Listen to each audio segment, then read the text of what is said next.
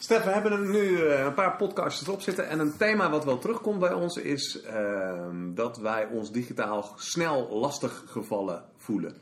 Ja, je wordt toch gek van. Eh krijg je een artikel doorgestuurd van een willekeurige krant. En na twee regels staat er alweer een pop-up. Dat je of lid kan worden, betalen, registreren. Eh daar moet je dan weer wegklikken. Je zat er net lekker in. Altijd op het verkeerde moment. Ik bestel van de week eh graszoden eh, online. En voordat ik het weet zit ik weer in een chatsessie. Omdat die eh, over mijn scherm heen komt. Ja, er komt in een het is toch hetzelfde als in die winkel. Waar, waar die verkopers altijd onmiddellijk op je nek hangen. Kan ik u misschien ergens mee helpen? Ja. Terwijl je nog even aan het rondkijken En bent. we hoopten dat digitaal daar een einde aan ging maken. Dat Nee. ze ervoor zouden zorgen dat ons leven lekker opgeruimd en leeg zou worden. Het is alleen maar erger geworden. En eh, het is erger dan het, eh, dan het eh, offline leven. En, komt- en, en er lijkt echt weer een, een, een hoos van, van chatvensters, pop-ups, inschrijfmogelijkheden, Ja. reviewmogelijkheden. over je uitgestort te worden op het moment dat je online gaat. Adblockers zouden nooit zijn uitgevonden als dat niet zo verrekte irritant was. Nee. Dus daar zit volgens mij een Maar er is een oplossing. les te leren. Ja, we hebben, we hebben iemand eh, leren kennen die eh, bezig is met nieuwe technologie. eh, met dataonderzoek, maar ook, van het, ook met het toepasbaar maken daarvoor, voor klanten. En we hopen heel erg dat dit soort technologie gaat bijdragen aan het leven van mensen in Nederland, in de wereld, wat, wat blijer te maken. Dus laten we maar eens in de auto stappen en naar hem toe rijden. Ja, we gaan er naartoe. We gaan naar Houten. Dus eh, Google, doe je best.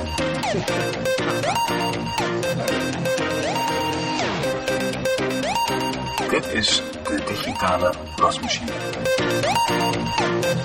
Hey, we gaan het vandaag hebben over machine learning, data mining en big data. En dat doen we in Houten. We zitten bij Onmark in eh, het datalab eh, van, eh, van Midden-Nederland, zou je kunnen zeggen. Aan tafel zit, primeur, voor het eerst een gast in onze digitale wasmachine, Jimmy van der Ehrenbeemt.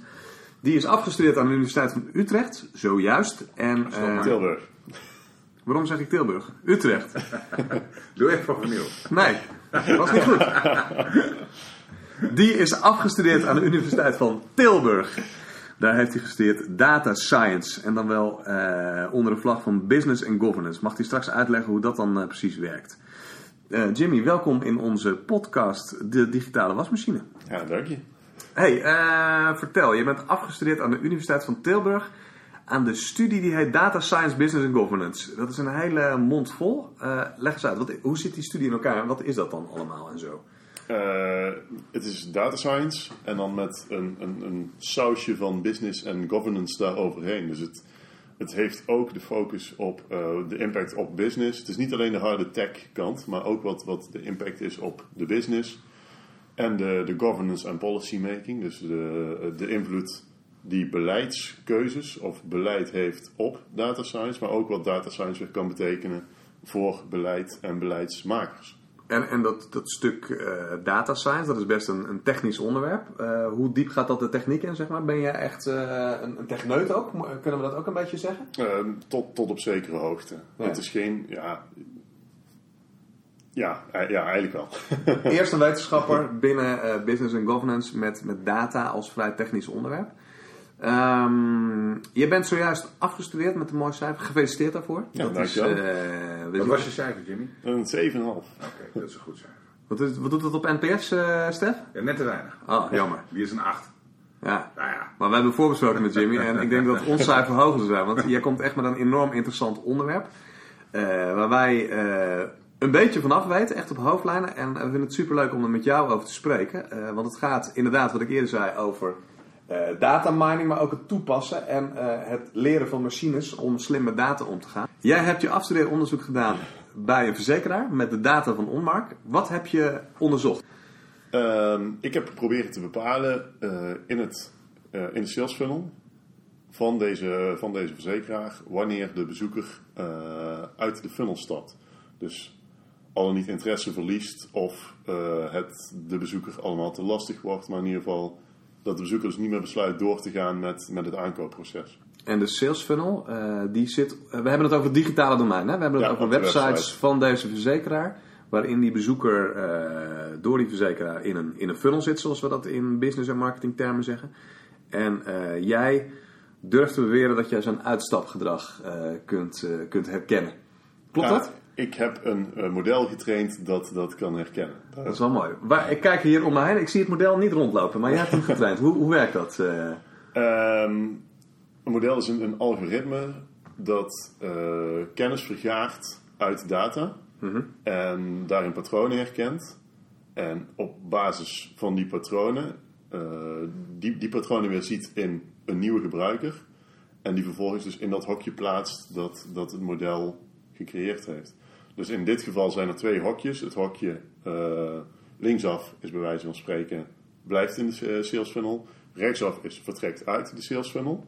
En afhankelijk van het patroon dat jij vertoont op de website, plaatst eh, het model jou dus in blijven of vertrekken. En als we dan kijken naar het model. eh, jij zegt ik heb dat mo- model ontwikkeld en getraind. Dat zijn bestaande algoritmen die jij traint om eh, tot, tot voorspelling te komen. Ja, Dat klopt. ja het is een soort van, van skelet wat, waar de data inge, eh, als input krijgt en daarmee een model wordt. En is dat ook, want je zei eerder, of we zeiden eerder, Onmark, daar zitten we nu. Eh, die heeft die datasets van die verzekeraar tot zijn beschikking. Die hebben zij eh gemined, zou je kunnen zeggen. Eh, en jij hebt dat model aangebracht, meegenomen vanuit Tilburg, of bestond dat hier al? Hoe, hoe werkt zoiets? Deze algoritmen bedoel je, denk ik. Ja. Die, ja, die zijn toch wel algemeen ontwikkeld en, en ja, wereldwijd beschikbaar. Oké. Dat, is, dat is binnen data science zijn er een, een, ja, een- tiental zeg maar, po- populaire algoritmen die nogal veel gebruikt worden, afhankelijk van de, van de taak. Of het een, een binaire klassificatie is bijvoorbeeld, of een, eh, een regressie. eh, afhankelijk van wat je wil voorspellen, kies je een eh, algoritme en daar test je mee. En Oké, dus je had dit al wel een tijdje in het vizier en kwam met Onmark in aanraking en zo is die opdracht ontstaan. Ehm, ja, een beetje een samen, samen, samenspeling van. Samenspeling. Ja. Hey, en ik begrijp dat je het. eh, dit, dit is jouw eh afstudeeronderzoek om, eh, om, om, om dit te doen. Maar een, een collega-student van jou heeft ook hier min of meer op hetzelfde onderwerp met jou meegewerkt, toch? Voor Ja. zijn eigen afstudeeronderzoek. Ja, binnen dezelfde sales funnel heeft, heeft hij proberen voorspellen de, de hotness. Dus hoe hot een bepaalde bezoeker is. Of deze al dan niet ehm, door zou gaan in de conversie. En die combinatie is natuurlijk heel erg interessant. Eh, we zien dat hij wel of niet uitstap afhaakt. En we zien in welke mate hij eh, geïnteresseerd is, deze gebruiker. Ja, ja daar zit ook de Of kracht in. enthousiast is, of...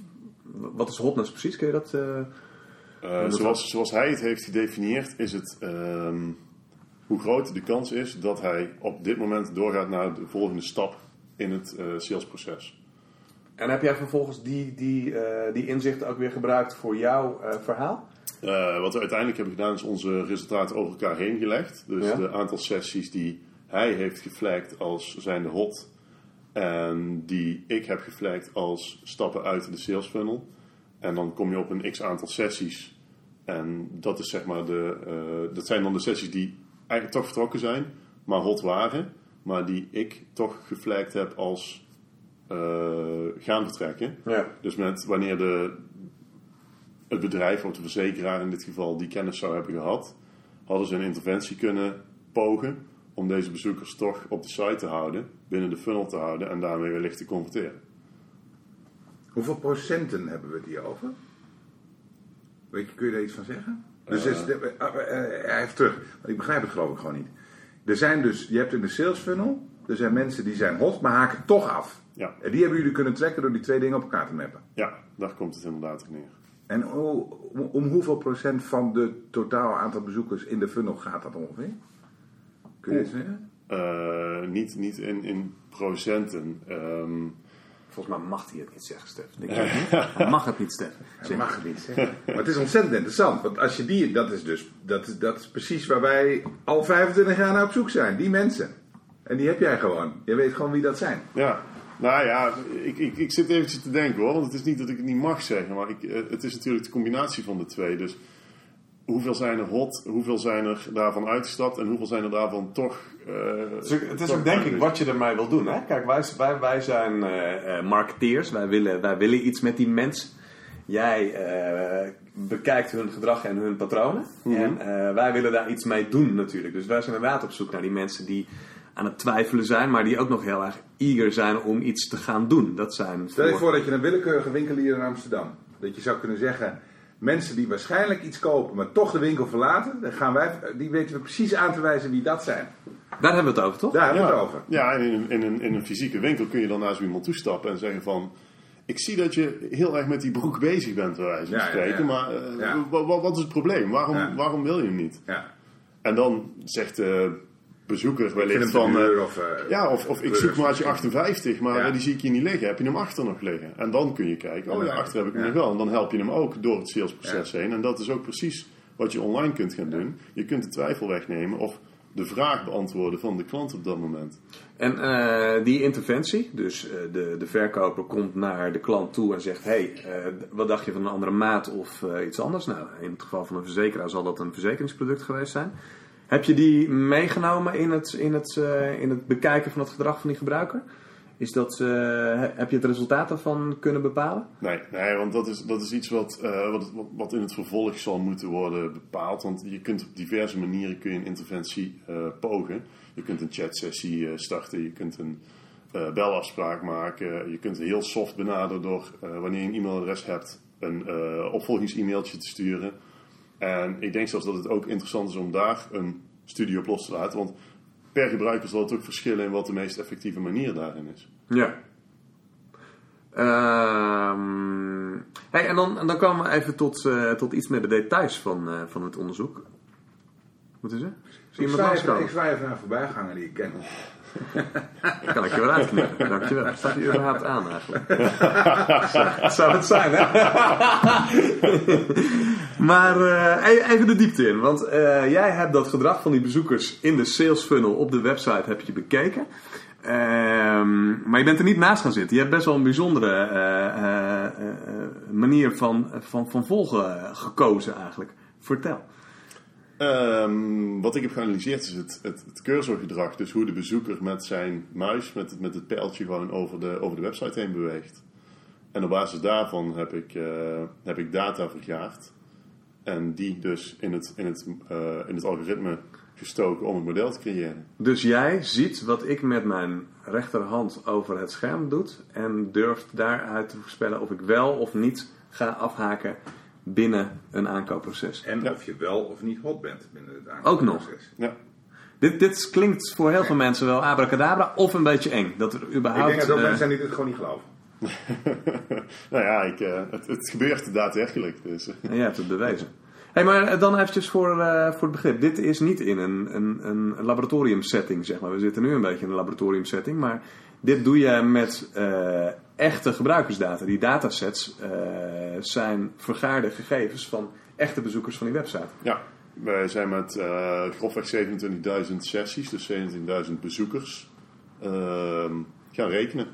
Dat is data van twee weken op de website van, van deze partij. En dus het is een behoorlijke steekproef waarmee we, waarmee we getest hebben. En eh, daar zijn behoorlijk goede resultaten inderdaad uitgerold. En die mensen hadden dat dus niet door, hè? Eventjes voor de duidelijkheid. Eh, die zitten vrolijk een, eh, een verzekering uit te zoeken, bijvoorbeeld. En ondertussen zie jij wat ze met hun muis doen. En jij trekt achteraf de conclusie van... ja, ik had wel kunnen voorspellen hoe dit afgelopen was. Maar zij hebben het niet door. Nee, dat klopt. En daar zit denk ik ook de kracht van, van het geheel. Omdat je het onbewuste gedrag aan het, aan het mappen bent. Wanneer mensen zich bewust zijn van het feit dat ze geanalyseerd worden, dan gedragen ze zich wellicht toch altijd anders dan wanneer ze onbewust echt in volledige vrijheid op zoek gaan naar, naar datgene wat ze willen. Juist. Hey, maar Jimmy, ik neem aan dat het ook wat slimmer in elkaar zit dan. Hij zat heel dicht bij de koopknop of zo. Dat, dat, dat, dat, is, dat is toch. Toch of niet? Ja, ja zeker. Het is, eh, Het is echt eh, van alles. Ja, de, ik heb de tracks samengesteld eigenlijk. En ehm, de tracks moet je zien als het volledige pad dat, dat de muis ehm, afgaat op de website. Tussen twee kliks. Dus het, het pad start met een klik en het eindigt met een klik. En tussen die twee kliks heb je een, een, een rechte lijn, wat dan het meest ideale pad is daar naartoe. En het daadwerkelijk afgelegde pad wordt dan uitgetekend door de coördinaten van de muis op, op ieder moment. En de vergelijking tussen dat ideale pad en het daadwerkelijk afgelegde pad, daar kun je heel veel eh, features uit, eh, uit onttrekken. Dus je ziet aan, aan eh, waar die cursor zich begeeft, met welke snelheid en welke tijd tussen punt A en B zitten, daar, daar kun je conclusies uittrekken. Ja, ja of bijvoorbeeld ook de maximale afwijking van dat ideale pad. En hoe werkt het dan? Is het- haal je dat soort inzichten puur uit die data of zijn er al bekende gegevens? Eh, ik noem tijd, twijfeltijd of eh, bewegingsafwijking waarvan je weet dat dat, eh, dat komt voor bij gebruikers met een bepaald gedrag of met een bepaalde mindset. Nee, nee, daar was heel weinig over bekend. Er waren een paar onderzoeken die, die de emotionele staat van de gebruiker gekoppeld hebben aan het gedrag van de cursor. Maar ehm, daar waren geen hele harde. eh, Dat is ook niet de manier waarop jij naar het probleem gekeken hebt. Hè? Je hebt het puur naar de data gekeken en gekeken waar kan ik significante eh, cijfers ontdekken die, eh, die voorspellende waarde hebben. In plaats van ik ga uit van een bepaalde psychologische of mentale staat van mijn gebruiker. Ja, ja, dat is ook de, de data science approach. Je gooit de data in het model en je, je ziet wat er uitrolt aan resultaten. En als het voorspellende waarde heeft, dan kijk je welke features belangrijk zijn en waar de meeste informatie in heeft gezeten. En ehm, ja, maar even een hele domme vraag. Hoe betrouwbaar is het eigenlijk wat je ontdekt hebt? Ehm, ik heb het afgestoken tegen een, eh, een, een random eh, toekenning van de, van de exit eh, labels. En mijn model is in de meeste gevallen tot, tot zeven keer beter dan het random toekennen van het exit label. Wat dus betekent ehm, ja, dat ik zeven keer nauwkeuriger kan voorspellen of iemand uit de sales funnel gaat stappen. Dat is een heel hoog getal. Dat is echt heel hoog. Ja, zeker. Ja. En eh, dat ontdek je op een gegeven moment, dat dat zeven keer is. Is dat, is dat echt een moment dat je, dat je tot de conclusie komt, ja, dit is dus eh, factor 7 wat ik hier eh, in mijn vingers heb? Ja, dat is natuurlijk wel, da- daar zit dan weer de, de wetenschappelijke benadering achter. Dat je een paar testjes een keer doet Ja. en kijken hoe betrouwbaar en hoe significant het is. En uiteindelijk blijkt dus inderdaad eh, ja, te kloppen. En dan, dan roep je dat getal hier intern bij, eh, bij eh, Onmark, jouw afstudeerbedrijf, en bij eh, de klant, de verzekeraar. Wat, wat was de reactie daar? Ja, Hosanna. Toch wel, hè? ja, ja. Ja. ja, nee, dat is, ja, dat is toch wel een mooi inzicht dat je daarmee, dat je daarmee creëert. Want dit vertegenwoordigt dus ook simpelweg commerciële waarde. Als Ja. je, laten we zeggen, vanuit een random situatie die nu eigenlijk de, de situatie op een website is, naar een zeven keer hoger eh, interventie. eh, eh, hoe zeggen we dat? Ehm, ehm, je kunt hem eigenlijk zeven keer beter timen, die interventie. Mag je niet, dat zeggen? Niet, niet timen, maar eh accurater toepassen. Kijk, iedereen kent hoe. iedereen heeft wel eens een pop-up gehad op een website en weet dat die ook heel vervelend kunnen zijn. Dus wat je vooral wil, is de pop-up of de interventie in dit geval dus op het juiste moment plaatsen en ook bij de juiste gebruiker. Want je kunt er ook het tegenovergestelde mee bereiken. Ja. Dat mensen een aversie krijgen tegen je product of tegen je merk, omdat je constant met vervelende boodschapjes Leg komt. dit maar eens bij een grote uitgever neer die nu een noem Trouw, Telegraaf, eh, persgroep eh, Sanoma. Daar kun je natuurlijk hele mooie dingen mee doen. Namelijk op welk moment haakt hij af bij de paywall. Want daar zitten ze volgens mij met een hand in hun haar. Dat denk ik wel. Dit, is, dit, dit geldt denk ik voor iedere interventie die je kunt Ja. bedenken. Ja, ja. Eh, en, en, en andersom, want daar zie ik ook. eh, maar goed, daar, daar ben, daar ben ik wel heel benieuwd naar. Want dit, weet je, interventie klinkt ook meteen heel negatief en heel commercieel.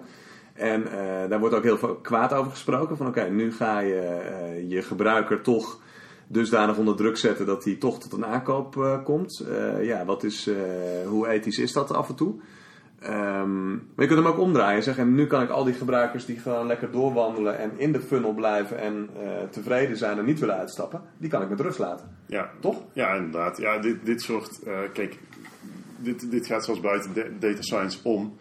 Het ethische vraagstuk heeft altijd twee kanten. Aan de ene kant kun je daarmee de gebruiker eh, bedienen, want je kunt gepersonaliseerde hulp bieden wanneer, Ja. wanneer deze vereist is. Maar inderdaad, het bedrijf kan er ook misbruik van maken. Maar dat is, dat is met iedere, iedere vorm van, Ja. van interventie. Dit is afhankelijk van hoe het bedrijf daarmee omgaat. Natuurlijk. Daar doe jij ook geen uitspraak over. Nee, nee dat zijn, daar ben ik ook niet verantwoordelijk voor natuurlijk. Nee. Wij bieden alleen de service hier nu aan. Is dat, is dat een onderwerp geweest, eh, of is dat een onderwerp wat wel meespeelt? Ik stel die vraag nu, maar eh, zegt die verzekeraar dat ook? Zegt Onmark dat ook? Dat, dat daar op een bepaalde manier mee omgegaan moet worden? Eh, dat is grappig dat je het zegt, want dat is juist ook een van de insteken van de opleiding geweest. Want, er is een, heel, een hele module met recht en ethiek in de opleiding verweven geweest, omdat de regelgeving en de wetgeving om, omtrent data en datagebruik ehm, nogal achterloopt op de technische mogelijkheden.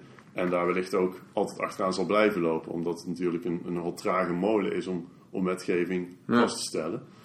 En daarom is juist de ethiek van de data scientist ook, eh, ook heel belangrijk. En wordt er tijdens de opleiding ook een, een behoorlijke focus op gelegd. Dat je daar een verantwoordelijkheid met je meedraagt. Want ik denk als je nu noemt dat jij eh, muisbewegingen aan het, eh, aan het trekken bent, dat heel veel mensen daarvan van schrikken. Zeg maar. Als nu eh, het persbericht naar buiten komt, die en die verzekeraar kijkt mee met uw muis en stelt daar een aanbod op af, dan, dan klinkt dat eng. Terwijl je het ook kunt omdraaien. Ja, ze, ze gebruiken diezelfde data om klantvriendelijker te zijn, ethischer om te gaan met hun gebruikers. Het is maar net wat die, wat die, die commerciële partij ermee doet. Ja, ja, het is natuurlijk ook geanonimiseerd in die zin dat niemand weet dat, dat het jouw muisdata is. Nee. Het- Ze weten op het moment dat je op de website bent, kunnen ze je daarin benaderen. Maar wanneer jij geen eh, gegevens achterlaat verder, of je privacy cookies uit hebt staan, of, of wat dan ook, dan kunnen ze het nooit meer terug, kunnen ze nooit meer herleiden naar jou toe. Dus het is echt, het is echt real-time bijhouden van wat doet de gebruiker op dit moment op de website en daarop anticiperen. Maar op het moment dat jij niet wil dat het opgeslagen wordt verder, Ja. of aan jou gekoppeld kan worden, dan, dan is er ook niks aan de hand. Worden de- dit soort dingen, wordt hier iets over gezegd in de nieuwe GDPR-richtlijnen die volgend jaar volgens mij... GDPR, Stef, jij gooit nu gewoon die afkorting erin. Ja, ik weet niet precies meer wat het voor staat. Daarom twijfelde ik even. ik het is inderdaad GDPR, inderdaad. Ja. ja. En dat is inderdaad de nieuwe privacywetgeving die mei volgend jaar eh, van kracht wordt binnen, binnen de Europese Unie. En ehm, wat daarin gesteld wordt, is dat eh, alleen anonieme data in principe zonder consent vergaard mag worden. En dan nog steeds moet je wel melden dat deze data opgeslagen wordt. Dus dat er eh, gevolgd wordt. Oké. En ben je ook verplicht eigenlijk, eh, we, gaan, we gaan even lekker dat onderwerp induiken. Ben je verplicht om je gebruiker te melden, überhaupt op welke manieren je die data verzamelt en wat je ermee doet? Is, is, is dat ook iets wat in die GDPR staat? Eh, nee, wat daarin staat is dat de gebruiker te alle tijden op kan vragen wat er verzameld is over hem. En hij heeft het recht tot verwijderen. Wat dus betekent dat jij naar een bedrijf of naar een website toe kunt stappen en zeggen van... Luister, jullie hebben een tijd lang alles voor mij gecollecteerd. Maar eh, ik wil niet dat dit nog langer bewaard wordt. En dan zul je aan moeten kunnen tonen dat je het ook kunt verwijderen. Of verwijderd hebt. Dat, dat, zullen, dat zal voor veel bedrijven zal dat nog een, eh, een, een, een Ja, aardig vraagstuk zijn. dat Maar dat is, zijn eh, principes die je gewoon moet volgen. Ja, ja, Niet, ja. eh, ja precies. Ja. Nou ja, kijk, de, de dataplatformen die wij kennen, eh, die, die kennen wij van buitenaf. Daarin zie je dus dat dit soort verzoeken binnen organisaties tot problemen leidt. Omdat heel veel, eh, heel veel organisaties dat niet op orde hebben. Omdat ze een softwarepakket hebben dat de andere kant op denkt. En eh, eigenlijk alleen maar zoveel mogelijk uit die data wil halen om, om consumenten te trikken. In plaats van daar heel goed mee om te gaan. Dat is wel een, eh, Ja. een dingetje, zullen we maar zeggen. Nou ja, bij Onmark zijn we daar ook heel erg intensief op dit moment met onze klanten mee bezig. Omdat ja, het, het zit er in mei volgend jaar aan te komen. Vanaf dat moment moet het wel staan. Dus het is niet, het is niet iets wat je van de een op de andere dag heel makkelijk in kunt, eh, in kunt voeren of door kunt voeren. Dit is wel een proces waar je doorheen moet, want je website moet erop ingericht worden, je datacollectie. eh, En wat jij zegt, eh, wat ik straks met mouse tracking ga, ga bijhouden voor klanten van Onmark of eh, verzekeraars of wie dan ook daar gebruik van maken. Dat gaat sowieso eigenlijk in hetzelfde, in hetzelfde vaartje mee. Dat voldoet aan die wet ten eerste. En het is niet, niets nieuws. We gaan er op dezelfde manier mee om. Het is alleen een andere vorm van data collecteren. ja, ja, inderdaad. Ja. Hey, eh, je, bent nu afgestudeerd. Je hebt het hier eh, eh, gedaan. Wat, wat doe, je gaat hier bij Onmark verder, begrijp ik? Ja, klopt. Dat lijkt me logisch, want dit is wel een, een heel erg interessant, vooral commercieel gebied. Ehm, wat doe je vervolgens weer richting de Universiteit van Tilburg met, met wat je hier geleerd hebt? Gaan hier weer nieuwe afstudeerders op verder bouwen? We hebben sowieso weer het plan inderdaad om, om volgend jaar opnieuw vier masterstudenten hier hun, hun afstudeeropdracht te laten, te laten volgen. En een idee is inderdaad wel om hierop verder te borduren. Dus of dit ergens anders in toe te passen, of dit ook in andere funnels of op andere delen van de website iets met de, het, het, de muispatronen gedaan kan worden. Of misschien ook volledig een, een andere richting uit. eh, maar in ieder geval wel met data science verder te gaan. Ja, met, met modellen maken aan de hand van de data die wij vergaren. Ja. Oké. Hey, hartstikke bedankt, Jimmy. Ja, graag gedaan. Gaaf ook onderwerp, interessant. Leuk. Ik, ben- ik eh, denk dat we nog heel veel van jou gaan horen. Dat gevoel heb ik in ieder geval wel. Ja, wij denken, eh, ja, we zitten niet voor niets hier. Dit is, eh, dit is wel waar, waar digitaal heen gaat, waar data heen gaat. En eh, ja, misschien komen we terug. Ja. Nou, dankjewel. Altijd welkom. Tot zo. Ik wilde, ik wilde een Tom en Jerry grap maken, omdat, we, omdat we met een muis te maken hebben. Maar die, die heb ik nog niet bedacht. Ah, dat is toch de titel van de podcast? Tom en Jerry. Wat mij betreft. Ik zou het doen.